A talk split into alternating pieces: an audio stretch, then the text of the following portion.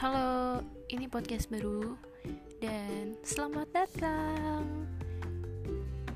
Kenapa judul selisih kata? Karena perselisihan antara hati dan pikiran itu gak sama dengan kata-kata. Eh, siap siap siap.